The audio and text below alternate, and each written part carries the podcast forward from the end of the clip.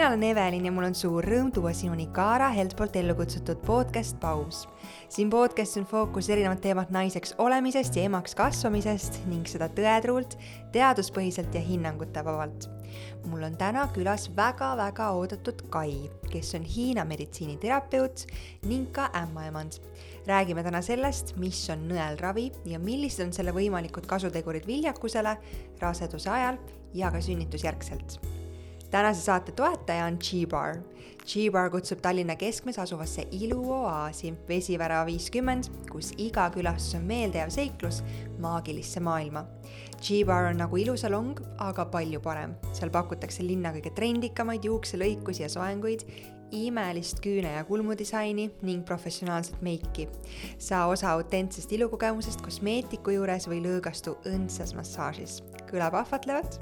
detsembris kehtib sooduskood GXBAR kaks tuhat kakskümmend kolm, mis annab miinus viisteist protsenti soodustust.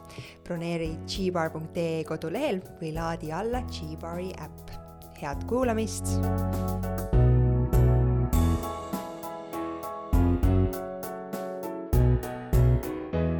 tere, Kai! tere! sa oled äh, ämmaemand, sa oled ema ja Hiina meditsiiniterapeut, on õige sõna? ma tahaksin täna sinuga rääkida ennekõike nõelravist ja ma sulle siin enne jõudsin teha ka sellise väikse sissejuhatuse, et ainuüksi see sõna, et võib-olla tekitab mul natukene sellist külmajudinaid mm,, aga ma arvan, sellepärast, et ma lihtsalt ei tea piisavalt palju selle kohta. Ja aga enne, kui me selle nõelravini äh, konkreetsemalt jõuame, siis kui sa pead selgitama millega sa Hiina meditsiiniterapeudina tegeled, siis mis sa, mis su vastus on mm.? tead, kuna ma sattusin kunagi Hiina meditsiini juurde täiesti nii, nii-öelda nagu mitte vale teed pidi, aga, aga justkui nagu natuke tagurpidi võrreldes sellega, kuidas tavaliselt jõutakse. tavaliselt inimesed hakkavad millegi vastu huvi tundma ja siis nad hakkavad otsima, et kuidas ma saaks seda õppida või, või kuidas ma saaks selle kohta rohkem lugeda. Minul oli vastupidi, et mina, mina sattusin Hiina meditsiiniterapeudi juurde või arsti juurde, äh, sain sealt abi, hakkasin küsimusi esitama ja suhteliselt ruttu hakkasin ise sellesama valdkonnaga ka tegelema, esialgu küll rohkem nii-öelda inimese energeetikat õppides mm, -hmm ja nõelravi juurde tulen siis natukene aega hiljem, aga need kaks asja on omavahel täiesti konkreetses äh, kooskõlas. siis täna, mida ma näen nagu Hiina meditsiini all, on tegelikult see, et no ütleme, ma kommentaariks tahaks öelda, et, et ma ei ole selline väga Hiina-Hiina terapeut. olgu. et äh, minu jaoks on tegelikult, ütleme, kõik see atribuutika, mis Hiina meditsiini juurde noh, nagu tavamõistes nii nagu inimesed sellest aru saavad, selle Hiina meditsiini juurde kuulub, et need on lihtsalt minu tööriistad. aga see, mida ma teen nende nõeltega, on puhtalt tegelikult ainult see, et ma tasakaalustan inimese energiaid ja see on tegelikult äh, nii-öelda Hiina meditsiini põhialus või olemus. ja mm, see võttis tõenäoliselt ikkagi mingisuguse aja aega. alguses ma mingi aja olin ikkagi nagu selles ähm, arusaamas, et, äh, et, et selle kaudu ma nagu ravin mm. -hmm. Aga üsna pikka aega ma tegelikult ikkagi äh, tunnistan, et, et, et mina ei ravi mitte kedagi. ma lihtsalt äh, läbi nende nõelte kasutamise vähendan takistuses olevaid kohti inimese energeetikas ja mida vähemaks neid takistusi jääb, eeldusel, et inimene ise neid takistusi uuesti tagasi ei loo, siis seda kergemini ja vabamalt hakkab voolama tema energia ja tegelikult inimese energeetiline süsteem ja sinna juurde siis kuulub ka tema keha lõpuks. et see tervendab ennast ise. et ma ei saa öelda, et mina tervendan. et ma, et ma lihtsalt võtan vähemaks neid takistusi. energia hakkab voolama ja selle kaudu inimene terveneb see vist ongi see, mis ma otsisin oskamatusesse oma küsimust esitleda, et see, sa tõid välja ka see, et energeetiline pool ja et lõpuks sinna tuleb keha, et meie sees on midagi, mida võib-olla igapäevaselt nagu niiviisi ei, ei mõtle või ei tunne või ei taju. aga Hiina meditsiin äh, läheneb inimesele väga holistiliselt ja võttes väga palju erinevaid osasid äh, inimese kehast lahti. jaa, kindlasti. see on see vist, mis mind kuidagi võlub selle teema juures täna. No Hiina-meditsiin vaatab tegelikult inimest täiesti terviklikuna. ja see terviklikuna ei tähenda mitte ainult seoseid erinevate organsüsteemide vahel, vaid see tegelikult tähendab ka seoseid tema energeetilise süsteemi ja, ja füüsilise süsteemi vahel. noh, füüsilise süsteemi kuulub juba meie anatoomia, füsioloogia, aga füsioloogia ei tööta ju iseenesest, me kõik teame, et ähm, mingil põhjusel hakkab kunagi inimene hingama ja mingil hetkel ta lõpetab hingamise, et, et noh, ja see materiaalne baas seal taga, see ühel hetkel nii-öelda elustub ja ühel hetkel ta lõpetab selle, selle elu, sellepärast et ta on kas läbi kulutatud või juhtub mingisugune situatsioon, mingi õnnetus või noh, haiguse kaudu lõpet-, lõppemine on ka tegelikult, tegelikult ju ressursi lõppemine, eks ju mm., füüsilise keha ressursi lõppemine. Ja aga sinna vahele jääb ju alati mingi natukene selline müstiline asi, me müstifitseerime surma, me müstifitseerime elu algust ehk sündi, et seal vahel on miski. Ja, ja ma arvan, et Hiina meditsiin on üks selliseid meditsiinivaldkondi, kes tegeleb äh, väga konkreetselt nii-öelda selle müstilise osaga sealjuures ja see on energeetika. See on inimese nii-öelda see energeetika, mis toimib sinu füüsilise keha, keha sees ja ka siis see, mis tegelikult on juba meist füüsiliselt tasandilt juba meist natuke väljaspool. nii põnev. muidugi on põnev. kui palju sa otsid äh, sa tõid korduvalt äh, välja sõna müstiline või müstika. kui palju sa otsid äh, mingeid selgitusi äh, või usud sa, et on lihtsalt midagi, mis nagu lihtsalt on ka, et sa ei pea seda kontrollima ja vastuseid otsima, et midagi, mis lihtsalt nii ongi? Jaa, kindlasti. ma arvan, et kõiges selles esiteks, mida me ei tea, on ju väga palju müstikat, olgem ausad. asjad ongi meie jaoks müstilised sellepärast, et me ei tea kuidas see toimib, see lihtsalt äh, nagu midagi nagu juhtub ja siis see tundub nii müstiline. aga ma pean ütlema, et, et mind väga-väga intrigeerib nagu või, või ja ka inspireerib kindlasti see, et äh, järjest paremini aru saada, mis on selle nii-öelda selle müstilise momendi taga. Ja mida rohkem ma seda mõistma hakkan, aru saama hakkan, kasutama hakkan, seda rohkem ma saan aru, et, et see on nii loomulik tegelikult, see on, see ongi päris. Ja tõenäoliselt mingi aja jooksul kaob selle asja juurest siis ära need asjad, millest ma juba aru saan ja mida, mida ma olen nagu teada saanud, et siis kaob see müstiline aspekt nagu vähemaks. Aga suures plaanis see ära ei kao päriselt mitte kunagi, sest alati on midagi, mida me ei tea, mitte kunagi ei saa me kõiki asju teada. Sa lihtsalt lähed nagu jälle järgmisse etappi edasi ja liigud aga kõrgemale ja kaugemale, sest et neid asju, mida, mida teada saada ja mille vastu huvi tunda ja mis sind nagu uudishimulikuks teeb, noh, sõltub midagi, mis kedagi uudishimulikuks teeb, mind teeb see näiteks, see valdkond uudishimulikuks ja siis, ja siis paneb sind otsima. Ja minu jaoks on see väga äge sa särad, kui sa sellest räägid, nii et ma isegi ei kahtle selles, et sa oled väga õige tee endale valinud ja leidnud Äh, kui me räägime nõelravist spetsiifilisemalt, kuidas sa selgitad täiesti võhikule, mis see on? tead, ma olen päris palju toonud oma patsientidele sellist näidet, et nõelravi on umbes äh, midagi sarnast sellega, nagu on äh,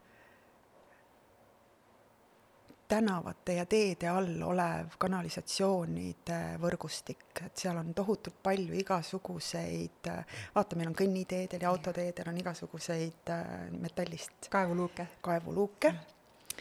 Ja ainult teadjad, inimesed teavad, mis midagi, mingi luugi all on.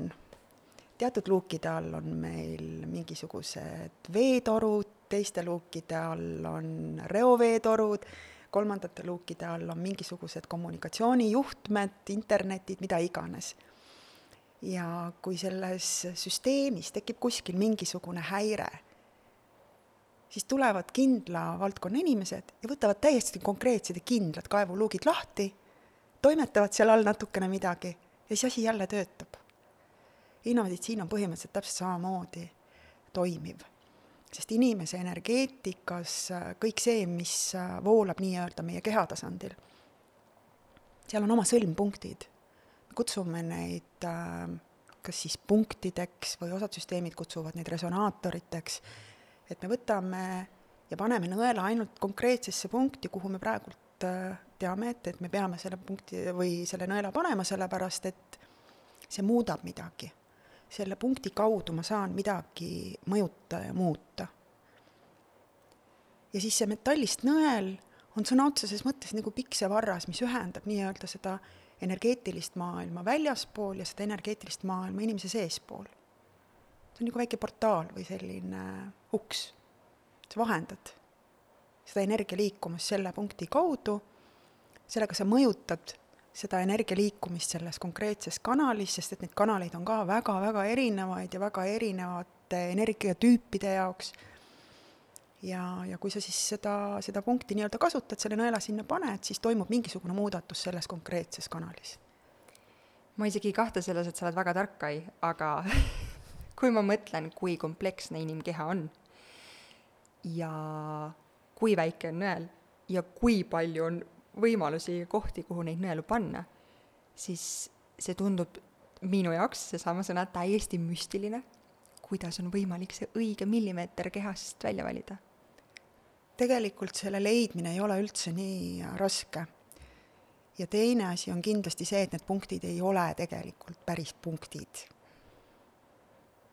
et ma saan kindlasti aru sellest, kui kellelegi on väga kasulik äh, nagu rääkida niimoodi, et, et need on ainult äh, niisugused imepisikesed punktid. aga see ei ole minu jaoks teema. väga lihtne on tegelikult aru saada või noh, minu jaoks läks asi väga palju kunagi lihtsamaks, kui noh, ütleme, nõelravi ei ole ju tegelikult Hiina meditsiini spetsiifiline Hiina meditsiini jõudis nii-öelda nõelravi meetod tegelikult läbi India ja sealt veel omakorda tagasi äh, väga kaugetesse aegadesse.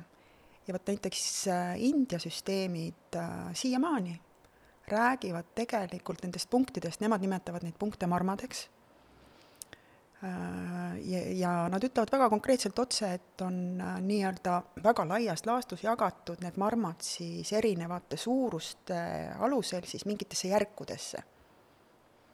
kõige suuremad marmad tänapäeva praeguse inimese energeetilises süsteemis on meie need suured tšakrad. ja sealt edasi tulevad siis kõik järgmiste astmete marmad ehk punktid mis ei ole kaugeltki mitte punktid, mille läbimõõt võib olla isegi seal viis kuni kümme sentimeetrit ja nii edasi ja nii edasi, siis on veel järgmise astme marmad, mis on seal võib-olla seal mõne sentimeetrise läbimõõduga ja nii edasi ja nii edasi, kuni siis tulevadki need kõige peenemad ja pisemad, aga need kõige peenemad ja pisemad punktid reeglina on lokaalsed punktid. ja nad ei teegi väga-väga suuri asju nad lokaalselt lihtsalt mõjutavad, näiteks ütleme, et kui hammas valutab, siis ma saan panna mingisse punkti näiteks näopiirkonnas nõela ja ta mõjutab seda, seda hammast kuidagi. tulse läheb vähemaks, valu läheb vähemaks, aga ta ei pruugi veel lõpuni näiteks seda põletikku ära võtta, mis on seal selle hamba juure all. selleks ma pean kasutama veel lisaks juurde mingeid selliseid punkte, mis juba tekitavad mingisugust üldisemat mõju ja siis kombineerides niimoodi, siis sa saadki lõpuks selle tulemuse. nii hästi või halvasti, kui sa siis selle saad. sõltub alati sellest, millised on nõelravi tegija oskused ja see sõltub kindlasti sellest inimesest, kellele tehakse.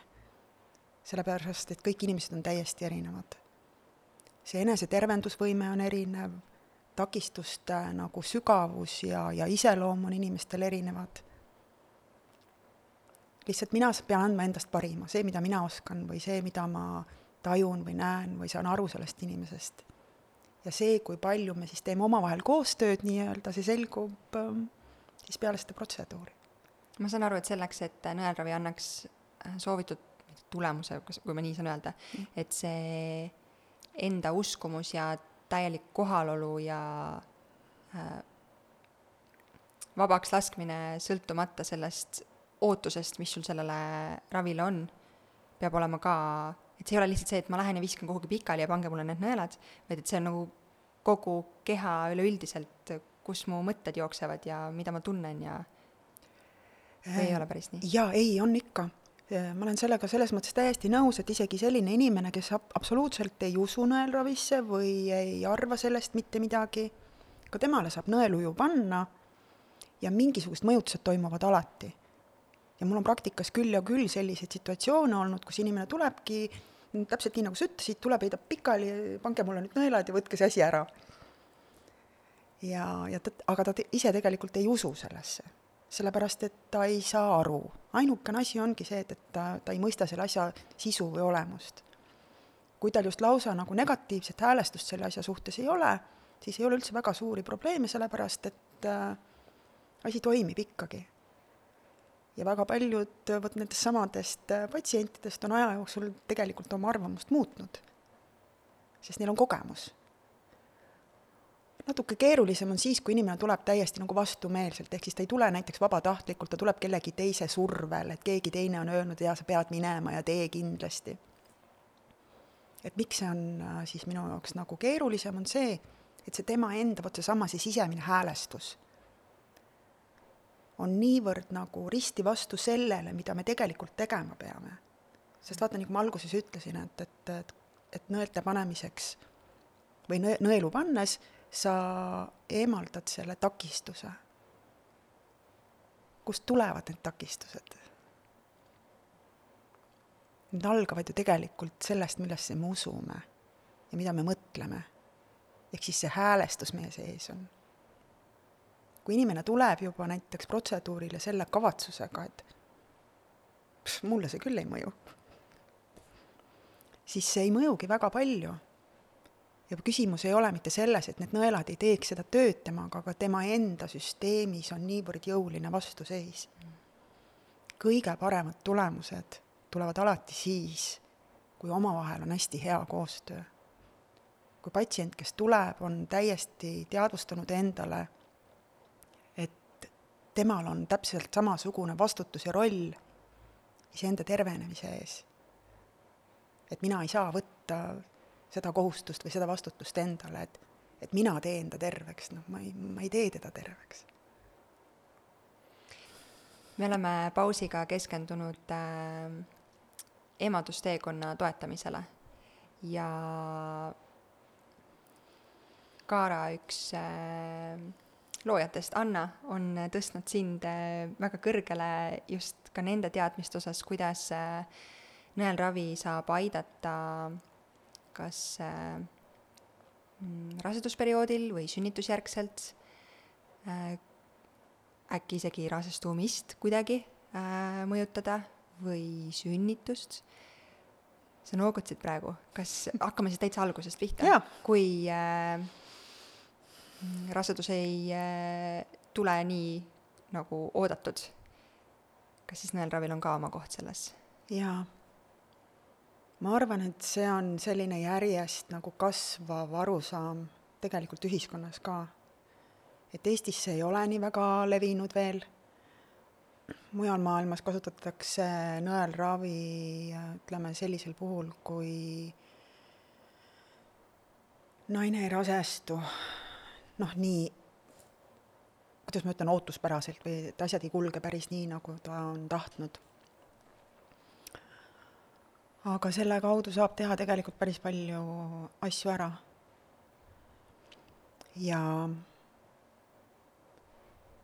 ütleme, ainus kõikidest nendest, mida sa praegult mainisid, on minu jaoks vot see sünnituse aeg. et tunnistan ausalt, ma ei ole olnud konkreetselt mitte ühegi sünnituse juures äh, selleks, et, et äh, nõeltega nagu aidata kuidagi seda protsessi äh, aga kõik see, mis on olnud nagu enne rasedaks jäämist, ka raseduse aeg ja, ja see, mis toimub peale sündi, et need valdkonnad on äh, kõik äh, nagu väga vastuvõtlikud tegelikult selle, selle ravimetoodika või, või tervendamismeetodiga tegelemiseks. Miks? aga sellepärast, et äh, jälle lähme hästi lihtsaks niipea, kui tekib äh, kuskil takistus, aga mõtle, kui palju on takistusi naistel, kes äh, rasedaks näiteks ei jää. kui palju tal on takistusi näiteks emotsionaalses plaanis juba. Need ähm, erinevad tunded, hirmud, kell tiksub, äkki ma ei saagi, mis siis saab, kui. Et esimene asi on kõik see rahustamine. niipea, kui need rahu, rahunemised on tulnud juba hakkab ka energia, see energialiik, mis otseselt vastutab siis raseduse tekkimise ja, ja siis selle beebi kasvamise eest seal ema, ema sees. et need saavad kõik hakata siis ilusasti nagu tagasi jälle kogunema. sellepärast, et energia kogu aeg liigub, energia ei ole mitte kunagi paigal, ta kogu aeg liigub ja me kasutame seda energiat. hästi tähtis on endale teadvustada, et me kogu aeg kasutame seda energiat. Meil ei ole olemas selliseid asju, et kusagil on mingisugune ma ei tea, mingi kogum meie sees, nagu anumas, mis seal on, ja siis me sealt võtame. ja, ja, ja kui teda seal piisavalt ei ole, siis me saame teda kogu aeg nagu sisse, sinna sisse korjata, selleks, et kunagi sealt võtta. et tegelikult me kasutame kõiki energiaid kogu aeg ja me peame endale aru andma, et need mõjutused tulevad absoluutselt kõigest, mida me teeme, absoluutselt kõigest, mida me teeme. See, kuidas, mida me sööme, mida me joome, kuidas me hingame Ehm, kui palju me liigume, näiteks ma ei tea, teeme natukene mingit sporti või, või, või mis iganes, või me ei liigu üldse näiteks, oleme hästi passiivsed ja paigal, kui palju me puhkame näiteks, milline on meie uni, milline on see une kvaliteet, see kõik mõjutab. ja minu jaoks on alati hästi-hästi tähtis see, et kui me need esimesed asjad, hästi lihtsad ja maised asjad, teeme, teeme võimalikult korda, noh, see on ka jälle mõnes mõttes tinglikult öeldud, sest et mis asi on korras. noh, sa pead lihtsalt olema iseenda suhtes aus ja tunnistama endale, et, et äh, jaa, ma magan tegelikult niimoodi, et ma puhkangi ennast väga hästi välja ja tõusen hommikul üles, ma olen värske. ja ma liigun just täpselt nii palju, et, et kui ma teen oma neid sportlikke tegevusi, siis mul pärast seda on selline hea, mõnus tunne, selline väestatud tunne, selline hea, hea enesetunne kui ma söön midagi, siis mul on niisugune hea ja mõnus ja pehme niisugune pai tunne on kõhus, et äh, mind ei pitsita kuskil, ei ole mingeid puhitusi, ei ole mingisuguseid muid ebamugavaid tundeid, et mulle see sobib. ja mu süsteem tänu sellele hästi töötab, meil on ju nii palju väljundeid, mille järgi me saame aru, et meie seedesüsteem töötab hästi. kui palju ma joon? Öeldakse, et äh, noh, viimasel ajal hästi palju räägitakse, et tuleb väga palju juua.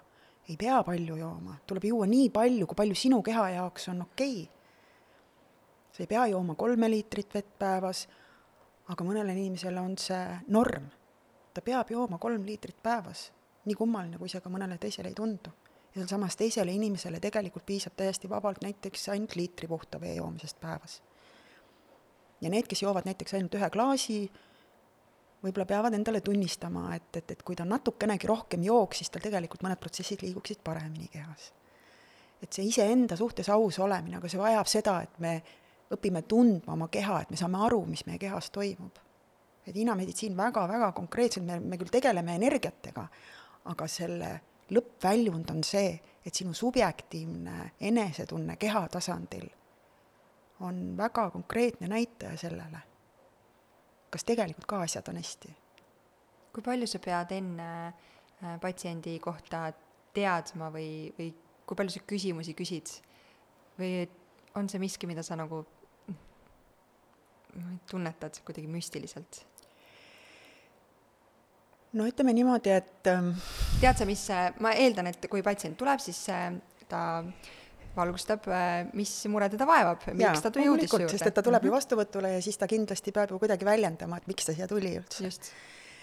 ja siis ma muidugi räägin, jaa, intervjuu, mina küsin küsimusi, tema vastab, kõigepealt ta räägib lihtsalt oma loo, sest et esimene asi, ma tahan lihtsalt, äh, et inimene väljendab kõigepealt väga konkreetselt läbi sõnade, mis on see põhjus, miks ta tuli. Aga seda ma pean ütlema küll, et erinevate patsientide puhul mul tekib kohe mingisugune erinev selline intuitiivne tunnetus tema kohta. Ja osade patsientide käest, kui ta on paar sõna mulle juba öelnud, ma juba tunnen, et ma ei taha mitte midagi rohkem teada. enne kui ja siis ma teen pulsidiagnostikat, ehk siis vaatan tema pulssi ja see ei ole mitte nii, nagu ütleme, perearst pulssi vaatab või, või, või mõni teine lääne meditsiiniarst, vaid see, et äh, mina vaatan pulssi mõlemal käel ja korraga. ja mitte ühe sõrmega, vaid kolme sõrmega. et ma ei, ma ei otsi sealt ainult seda, et, et kui kiiresti see pulss lööb, vaid, vaid mis iseloom sellel pulsil on. ja vot sellega koos tekib siis nii-öelda minu jaoks selline natukene puhtam arusaam sellest inimesest et seal ei ole, no see, see, ma väga annan aru, et, et jaa, et see tundub väga müstiline. aga see, aga see minu jaoks ei ole enam üldse müstiline, väga-väga konkreetne. Äh, seal on kindel reeglistik, seal on kindel süsteem, seal on kindel arusaam, mida ja mismoodi sa mingi sõrme all seda pulssi tunned. ma tunnen, et ja. ma segan sulle vahele, ma väga vabandan, aga see, et meil käib siit saatest läbi korduvalt ja korduvalt sõna müstika. ma lihtsalt tunnen, et võib-olla nagu mitte liiga sellist voodoo-maailma äh, kellelegi äh, esindada siin. ma pean ütlema seda, et nõelravi on väga uuritud ja väga paljude ähm, ma ei, ma ei oska neid sõnu õigesti nüüd ritta seada, aga see on äh, teaduslikult tõestatud aastakümneid ja sadu Äh, et see on tõenduspõhine materjal, millel need, äh, tänane info, mida sa siin jagad, äh, millel see baseerub, et see päriselt aitab inimesi ja ma usun, et on erinevad spetsialistid, on erinevad mm, fookused, millele keegi oma võib-olla, millele keegi keskendub, aga kui nõelravi teostab spetsialist, kes teab, mida ta teeb, siis see ei ole see mingi müstiline voodoo maailm, vaid see on päriselt teaduslikult tõestatud äh, jaa, kindlasti, kindlasti mitte. Äh, minu jaoks äh, noh, see müstika jääb järjest vähemaks, aga ma kordan ikkagi seda, et, et see mingisugune osa kindlasti alati jääb ja see peabki jääma ja ma arvan, et see on täpselt, täpselt samamoodi läänemeditsiinis. sest et äh, circa kümme aastat ma olin ju ka läänemeditsiinis paralleelselt. ja ma ei ole kunagi näinud ühtegi sellist arsti või ämmaemandat või, või õde, kes ütleks, et tema teab kõike ja, ja tal ei ole enam mitte midagi õppida või mitte ükski asi nagu tema enda töövaldkonnas veel ei tundu talle natukene müstilisena. et äh, ma arvan, see on täiesti elementaarne.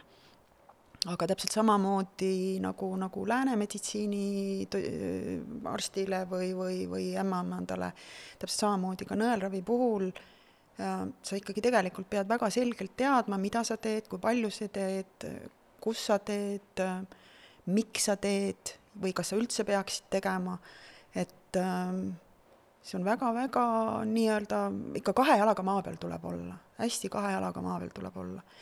ja üks asi viib teiseni, pead kusagilt peale hakkama.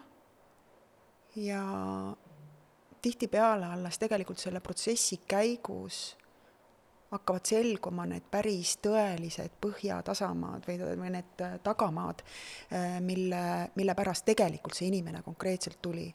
reeglina ju inimesed tulevad sellepärast, nad tunnevad ennast ebamugavalt, kuskil on natukene midagi kehvasti. on ka väga konkreetseid diagnoose juba, aga mina ütlen seda alati kohe, et mina ei ravi lääne meditsiini diagnoosi et äh, kindlasti on see võimalik ja, ja, ja kindlasti on selliseid nõelravi tegijaid, kes ka patsientidele niimoodi vastavad. see on lihtsalt minu enda isiklik selline subjektiivne suhtumine ja maailmavaade, et mina ei ravi lääne meditsiini diagnoosi.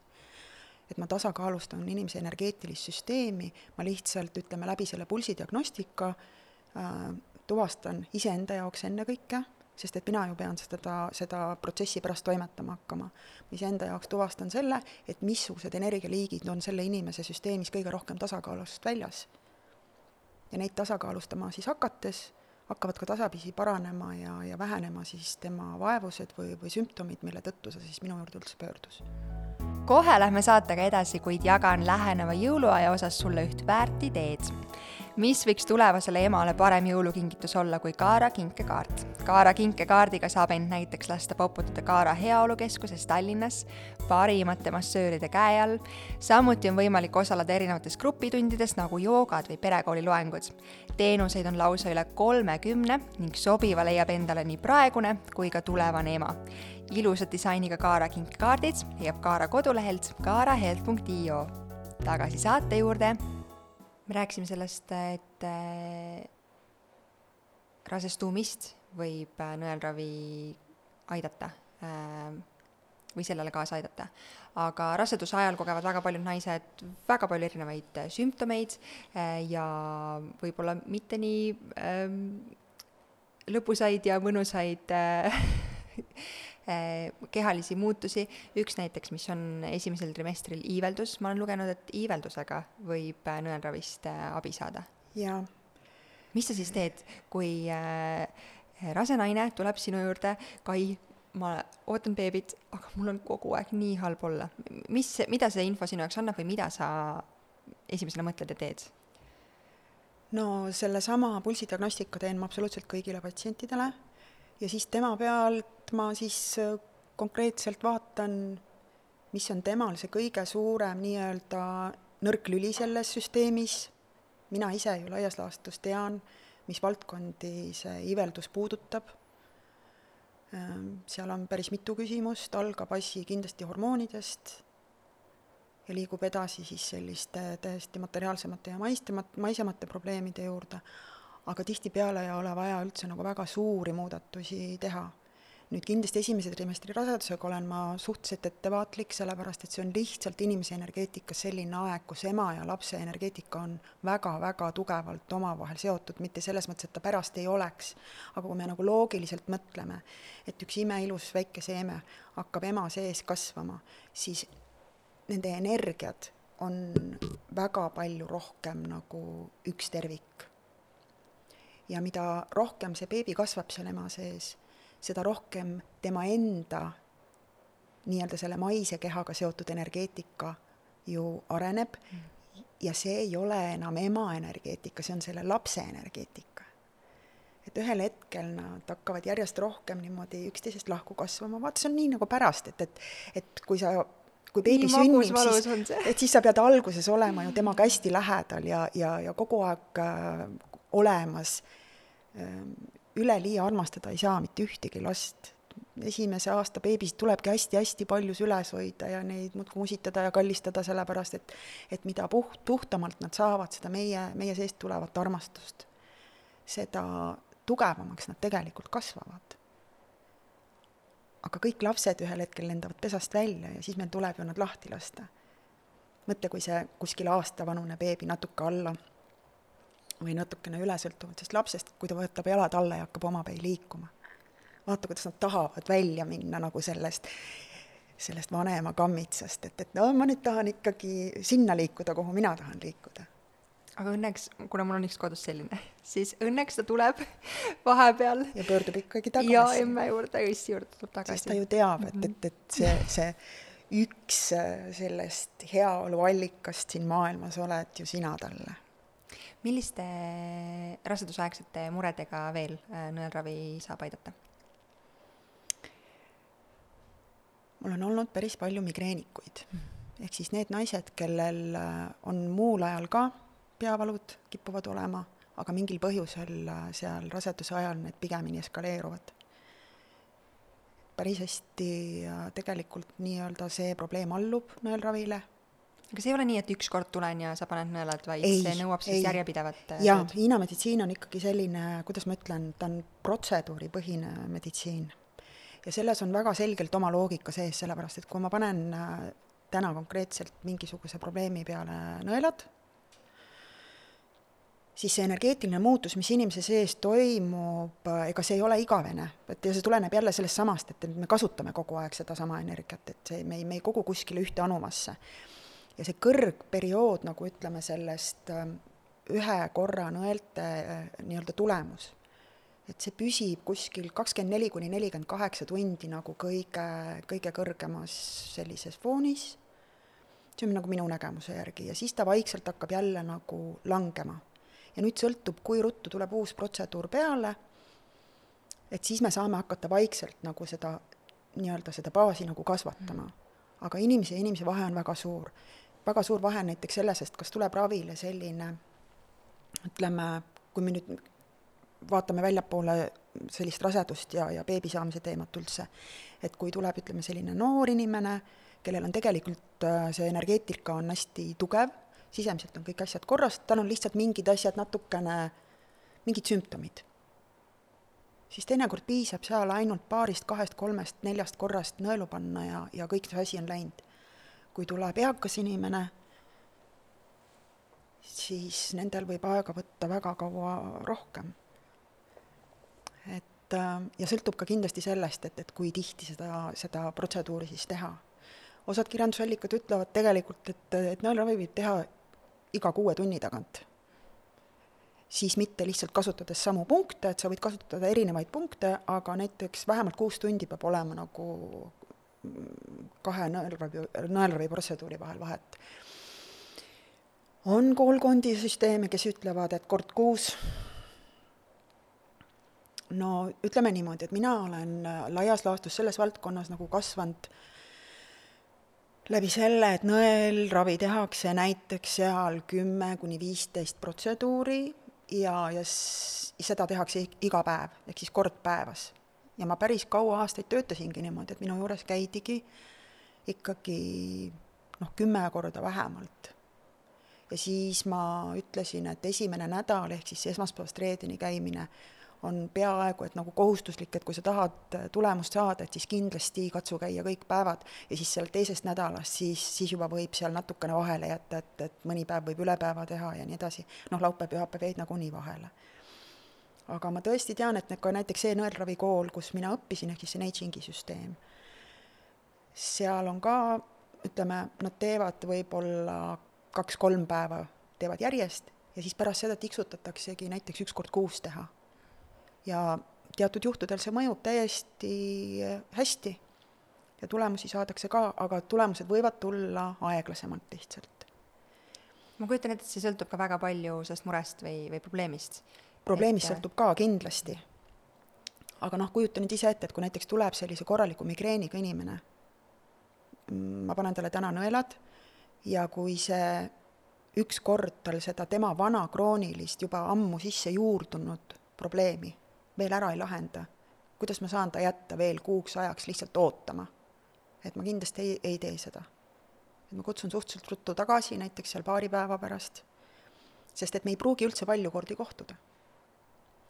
Nüüd hästi oluline on mõista seda, et, et äh, miks mul üldse tekib see haigus või mi-, miks mul üldse tekib see sümptom. sellepärast, et, äh, see kõik on ju mingisuguse põhjusega. ja siin on hästi oluline see, et, et kui üks äh, probleem on ikkagi krooniline, siis ta on ju seotud tegelikult äh, mingite selliste meie käitumiste või olekutega, mis on harjumuspärased, mis on väga pikaaegselt juba nii-öelda meie, meie igapäevase elu koostisosad olnud. mina ei saa ühtegi inimest muuta ühe, ühe nõelravi korraga. ma võin ajutiselt seda, seda tema energeetikat äh, mõjutada tal läheb kergemaks, aga kui tema enda sees muutust ei toimu, siis võib tulla see probleem suhteliselt ruttu tagasi.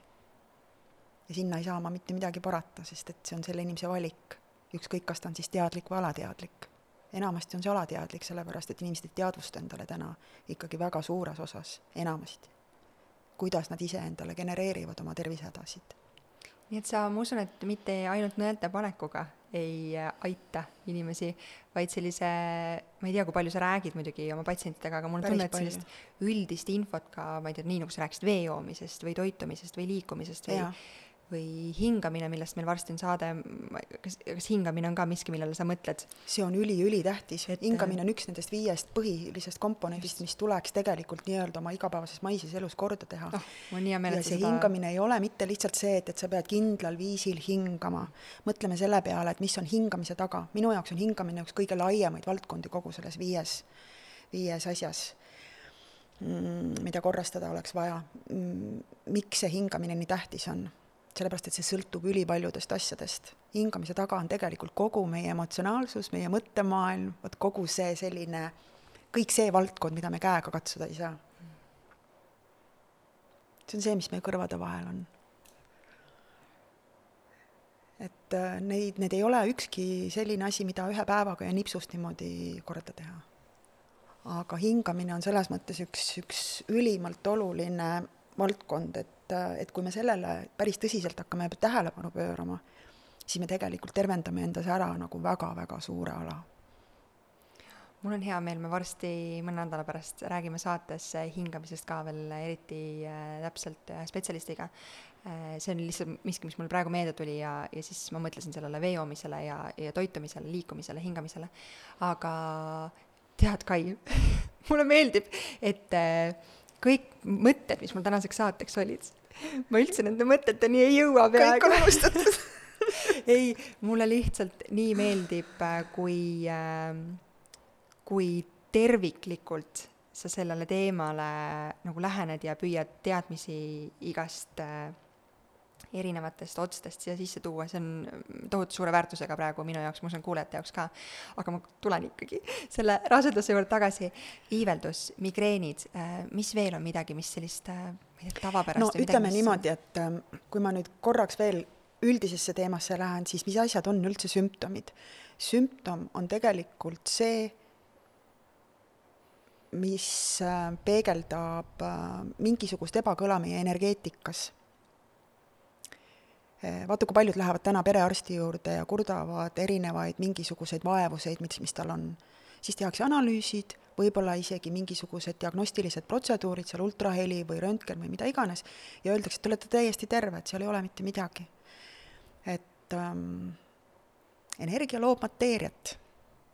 see on äh, energeetilise meditsiini üks esimesi aluspostulaate sõna otseses mõttes. energia loob mateeriat. Äh, ja energia, ütleme, sellised esimesed väikesed äh, korrapäratused põhjustavad füüsilisel tasandil meile ainult sümptomeid.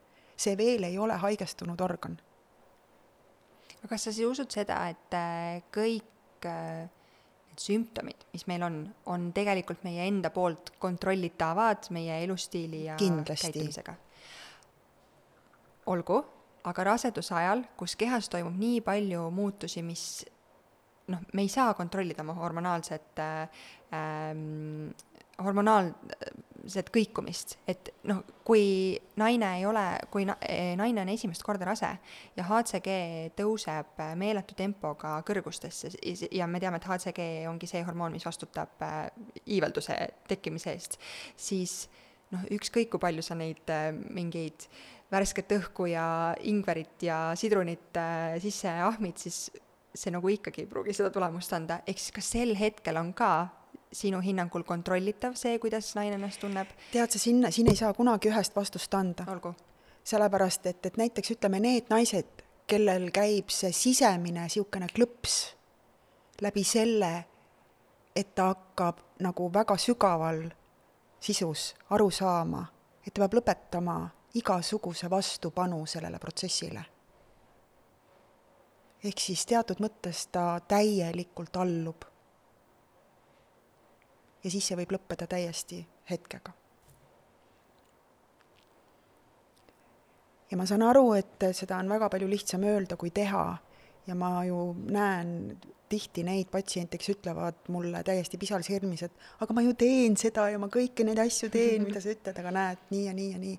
Et mina ei saa muuta seda sisu, mis on inimeses täiesti olemuslikult, et see on nagu, vaata siin me ei saa kuidagi nagu äh, üle hüpata sellest, et me ei ole ainult need materiaalsed kehad. täiesti arusaadav. me ei ole põnev. materiaalsed kehad, et me oleme tegelikult energeetilised olendid. ja energia peab saama vabalt voolata. Aga igasugune, isegi juba mõtlemine millegi vastaselt loob korrapäratust selles energeetikas. See mõnes mõttes näib nagu võimatu missioon, aga sealsamas, mida noh, lähme nüüd nagu konkreetselt uuesti tagasi selle emaduse seisukohast, et kui sa nagu sada protsenti olemuslikult aktsepteerid enda kui ema rolli, enda emaks saamist selles füüsilises elus,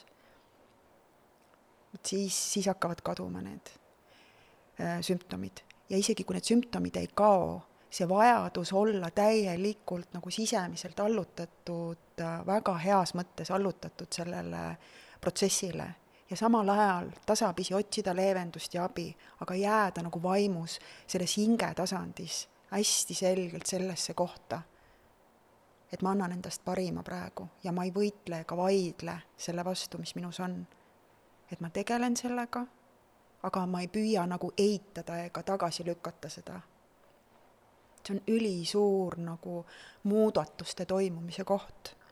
ja see ei ole mitte ainult raseduse puhul nii, see on kõikide haiguste puhul nii et tuleb lõpetada vai-, võitlemine ja see vaidlemine ja see pidev iseenda õigustamine, et aga ma ju teen seda või, ja ma teen seda teist. sest et me ei tea tegelikult. me jõuame jälle selle müstika juurde tagasi, me ei tea. Me tegelikult ei tea. ja ma leian, et minu kõige suurem missioon on võib-olla just nimelt see, et, et et innustada inimesi aru saama ja tunnistama, mida ma tegelikult päriselt tunnen, mida ma päriselt ka keha tasandil tunnen, rääkimata sellest, mida ma tahan siit elust üldse saada. et ole aus, üdini aus. Ma olen ikka alati öelnud seda, et sa ei pea minema Postimehe juhtkirjas kuulutama oma mingisuguseid isiklikke asju, aga päeva lõpuks tegelikult, enne kui sa iseenda sees pole rahu teinud, ei toimugi ju tegelikult väljaspool mitte midagi. paremuse suunas, ma mõtlen aga me tahame, et asjad oleksid paremad. Siis me jõuame juba sellise sama eheduse juurde, millest me just enne, kui nüüd sa selle salvestuse käima panid, me vist juba jõudsime pikalt rääkida, et et see, et see absoluutselt aus ja ehe olek ja ehe olek ei tähenda seda, et sa plähmerdad ja lõputult äh, vehkled väljapoole ja ütled kõike välja, mida sülg suhu toob, eks ju, noh, niisuguse vana, vana mõttelaadi kohaselt öelduna. et siis, äh, et see ehedus peabki olema see, et sa julged iseendale tunnistada mida sa tegelikult tahad. Ja eriti oluline on see ju partnerlussuhetes, sest et laps ei tule mitte sinu juurde ainult, vaid laps tuleb teie juurde.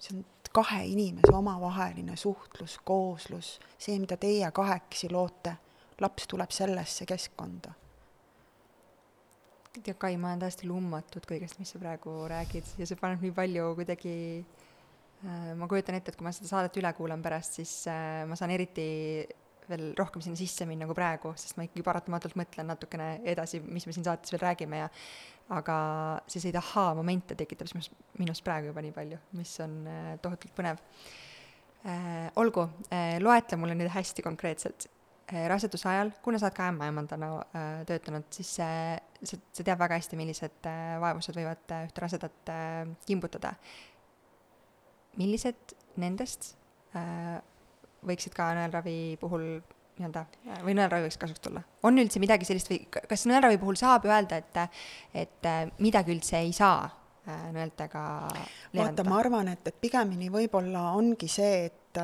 et me tuleme küll juba, ma ei tea, kolmas või neljas või viies kord tagasi selle, selle sama asja juurde, aga ma pean jälle minema natukene laiemasse välja, sest tegelikult, tegelikult ei ole piiranguid et ma ei taha öelda, et, et, et sa teedki kõike, et sa oled kõike tead ja ravid absoluutselt kõike. see ei ole tegelikult nii.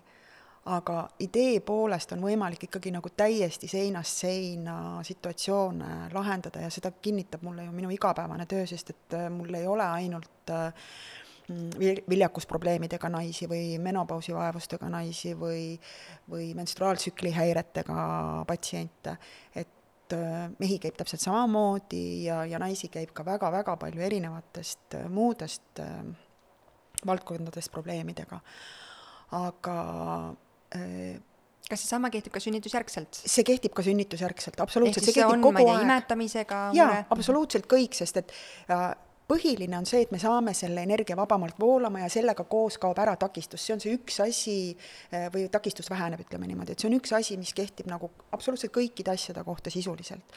kindlasti on lihtsalt igal eh, nõelraviarstil või, või, või terapeudil omaenda niisugused paremad leivanumbrid, mis, mis on tema jaoks nagu äh, südamelähedasemad valdkonnad minul. Mhm. no esimene asi on ikka kõik naiste teemad. no see on, see on nagu ikka noh. sellepärast sa täna siin oledki? sellepärast ma siin vist olengi ja ega ma ei oleks muidu ämmaemandaks ka ju kunagi äh, õppima läinud, et, et see naiste teema on minu jaoks nagu kõige, kõige hingelähedasem. aga ma ütlen ausalt, et mind võivad täiesti pisarateni õnnelikuks teha situatsioonid, mis lahenevad äh, täiesti ka muudes valdkondades. Ma toon hea näite, et, et oleks arusaadav, kui erinev võib asi olla. mul oli just ähm, äh, paar nädalat tagasi tuli üks selline patsient, kellel oli äh, Äh, lõualuu liigese operatsioon, tal on anatoomiliselt äh, sünnipäraselt kaasas selline alalõualuu, mis ähm, ei ole päris niimoodi välja arenenud lõpuni nagu, nagu ütleme, selline mm, tava, tavaolukord äh, peaks ette nägema. Ja kui ta, kui mingi koht ei ole lõpuni välja arenenud, siis ta ka funktsionaalsuses tegelikult võib hakata andma mingisugust häiret. ja selle patsiendi jaoks oli siis see teema, et ta ei saanud äh, oma suud piisavalt palju avada, tänu sellele ta ei saanud väga hästi näiteks süüa, tal oli aeg-ajalt rääkimisega mingisuguseid äh, probleeme.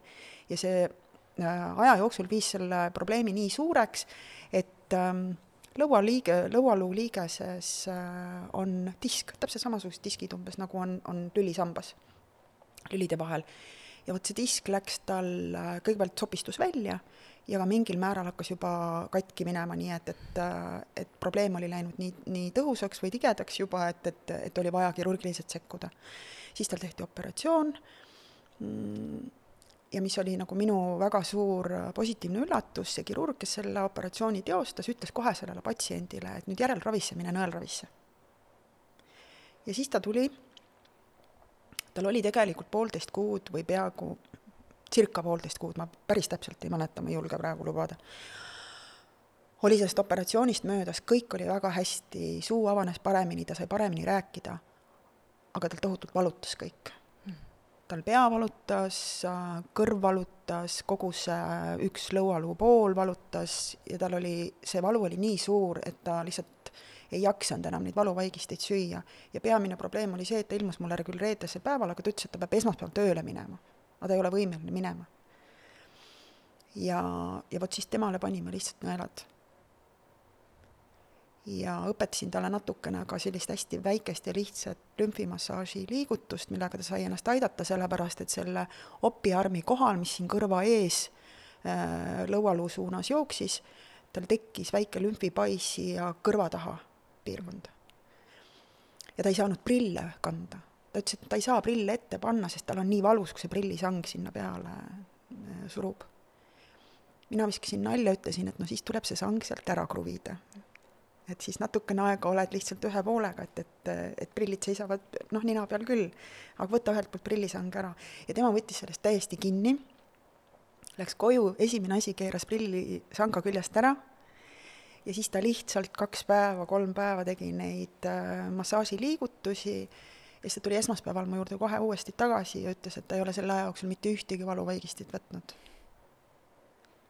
et ma ei taha öelda, et, et, et see oleks nagu mingisugune ime olnud aga kui sa mehhanismist saad aru, ja siinkohal ma raudselt ütlen, et kui palju mul on kasu sellest, et mul on ikkagi tegelikult ka ju läänemeditsiini haridus ja ma olen läänemeditsiinis ka töötanud, et need kaks asja omavahel kokku panna, et minu meelest on see ideaalne kombo. ja üks asi jälle viib teiseni, kolme protseduuriga põhimõtteliselt, mis kokku võtsid aega nädal aega, sai see inimene asja väga palju paremaks. valusid enam ei ole, prillisang on ammu tagasi kruvitud mul on nii hea meel. et, et noh, see on nagu näide sellest, et täiesti teine valdkond. põlved näiteks alluvad päris hästi teemadele. et äh, nii kui tuleb patsient, kellel on näiteks, äh, ma ei tea, vesi koguneb põlve või, või äh, noh, niisugused artroosinähud, siis põlved üldiselt alluvad paremini kui õlad näiteks, et külmunud õlg ei taha mul nii hästi alluda alati, aga, aga põlved alluvad väga palju paremini. seljad, lülisamba teemad, kõik sellised väsimused, seljad väsivad, lõpuks nii kanged lausa, et ei saa voodist üles, aga noh, sinna nendele, kõigile nendele asjadele tuleb ikkagi jut-, juurde rääkida ka, tuleb selgitada. Mm et inimene hakkaks aru saama, et millised tema enda tegevused võivad nii-öelda nagu vastu töötada sellele nõelravile ja vastu töötada sellele, et ta terveks saaks. ta arvab, et ta teeb head asja, tihtipeale inimesed tulevad, ütlevad, et aga ma söön ainult tervislikke asju. aga mis on tervislik? peale selle, et, et, et ütleme, üks asi on hästi vitamiinirohke ja hea meie tervisele, et, et kui sa sööd teda valel ajal, näiteks ööpäeva mõistes valel ajal, või aastaaegade seisukohast valel ajal, siis ta ei tööta nagu hea asi. siis ta võib täiesti sinu vastu töötada. Kai, saateaeg on armutu ja ma tunnen, et me peame sinuga juba järgmise saate kokku leppima, sest sinuga on tohutult tõe, tõsimeeli, tohutult põnev rääkida ähm, ma tahaks nii palju veel teada ja ma olen täna juba nii palju äh, uusi teadmisi saanud. tohutult äh,, tohutult põnev. Mis puudutab äh, rasedust-sünnitust, siis kuigi sa ütlesid, see sünnitusel konkreetselt pole kellelegi nõelu ja, pannud, siis üks jah. asi, mis äh, kuidas mul kunagi, ma isegi ei tea, see oli aastaid tagasi, tekkis mingi seos äh, raseduse, sünnituse, nõelraviga, oli see, et ma nägin äh, ühte naisterahvast, keda ma jälgin, ta ei ole eestlane, keda ma jälgin, et äh, tal läks sünnitusjaland ei alanud äh, iseeneslikult seal nelikümmend üks pluss something veel ja siis äh, ma tean, ta käis ravis ja talle pandi kõrva pisikesed, vot see on ka üks küsimus vaat me filmides teame, pannakse pikad nõelad kuskile keha peale, on ju. aga nüüd ma olen näinud ka sellised pisikesed mummukesed, mis on kuskil kõrvades ja, ja, ja, ja siis seal on teibid peal. kas see on, me räägime ühest asjast, see on kõik jaa, see kõik on üks ja sama süsteem. mina okay. kasutan ka seda ja ma teen seda ennekõike siis, kui näiteks patsient tuleb mulle ravikuurile, aga siis ta peab näiteks kusagile ära sõitma vahepeal, läheb komandeeringusse, mida iganes. ehk need nõelad jäävad sisse?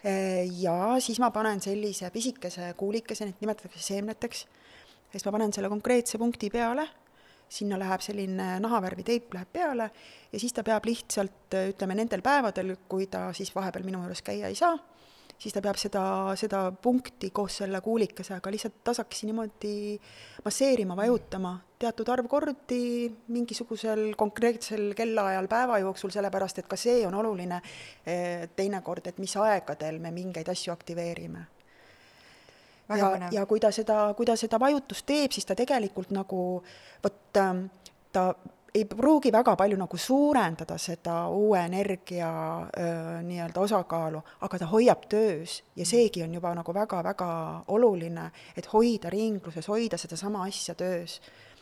sest et äh, eesmärk on see, et me peame sellise pideva mõjutuse kaudu äh, siis seda, seda takistust nii palju eemaldama, et see omaenda, see õige süsteem saaks lõpuks nagu selle jõu kätte. vaata, see on nagu, ma ei tea, mingisugusest ojast või, või väikesest äh, kanalist kuskil, ma ei tea, vana risu ära koristamine, et vesi hakkaks vabalt voolama, ta saaks sinna jõkke ja kui ta seal suures jões juba on, siis see suur vool tegelikult juba noh, see on palju võimsam ja, ja see on võrreldav nii-öelda nagu inimese igapäevase elu ja sellise hea kvaliteedi ja heaolutundega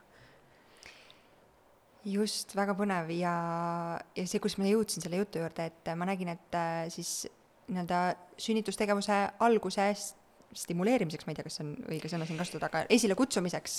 jaa, aga mina see, ei ütleks selle kohta esilekutsumine, sellepärast et tegelikult me ei kutsu midagi otseselt ju esile, vaid, vaid siin ongi jälle täpselt seesama asi, et et kui äh, naisel on näiteks hästi suured hirmud sünnituse ees, siis ämmaemandana ma tean seda suurepäraselt, mismoodi võivad naised ise pidurdada oma sünnituse protsessi. see on täiesti hämmastav. ja mis toimub siis, kui ta lõpuks loobub sellest vastupanust? kui ruttu ja kergelt ja sujuvalt võivad nagu asjad laheneda. et äh, seal ka jälle see nõelte mm, ülesanne on ainult see, et, et, et reeglina ikkagi noh, need, kes oma selle nelikümmend üks nädalat on ju täis kandnud, et seal ei ole mitte midagi erilist ega ohtlikku, seal on lihtsalt see, et, et et rahu, paneme seda energiat natukene vabamalt voolama ja kui keha võtab oma jõu taha, siis ta võtab ja siis see asi toimub. et äh, ma olen väga konkreetselt isegi oma patsientidele ära öelnud, et et kolm korda on maksimum, et juhul, kui nad tulevad selles viimases lõpus, et sünnitus ei ole veel alanud ja ees ootab siis see nii-öelda käivitamise protseduur haiglas ja nad ei taha sinna kuidagi nagu nii-öelda sellest nullseisust minna siis väga palju mängib äh, ikkagi selle järgneva protsessi juures rolli ka see, kui palju see naine on jõudnud enne näiteks küpseda. sest et kui tal on näiteks emakakael on täiesti ebaküps ja juba on seal nelikümmend äh, pluss, on nädalaid, siis selle paari-kolme korraga me jõuame vähemalt selle emakakaela selliseks heaks ja pehmeks ja, ja soodsaks küpsetada ja isegi kui on vaja äh, lõpuks see sünnitus nagu käivitada meditsiiniliselt, siis see protsess käib väga palju kergemini. et ta ei ole nii valulik ja ta ei võta nii kaua aega.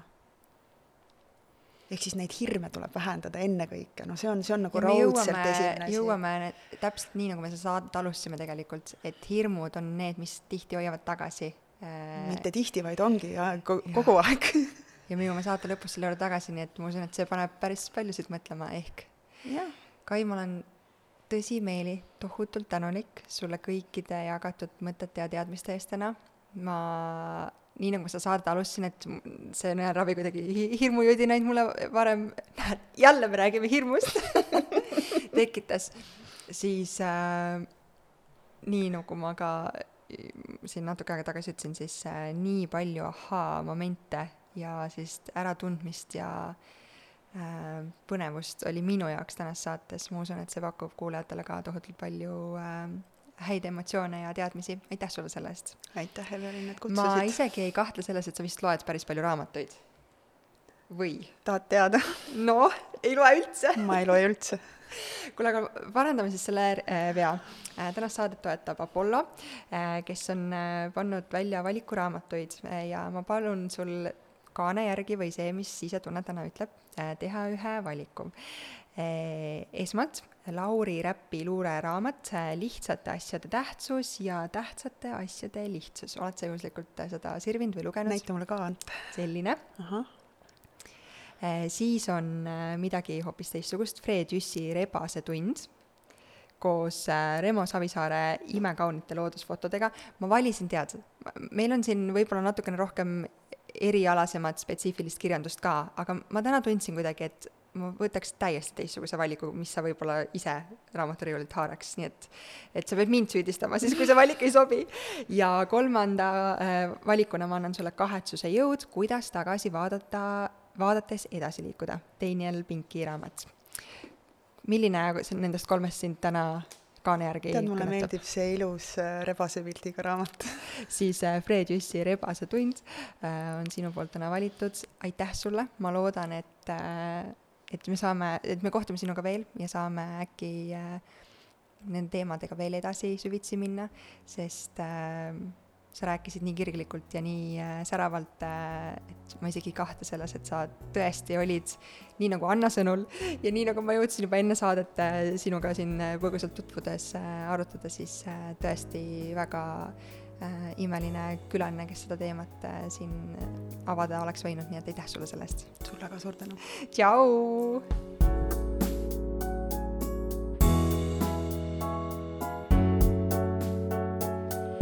saate toob sinuni Kaara, naiste tervise ja heaolu edendaja rasedus- ning emadusperioodil. vaata lähemalt kaarahelts.io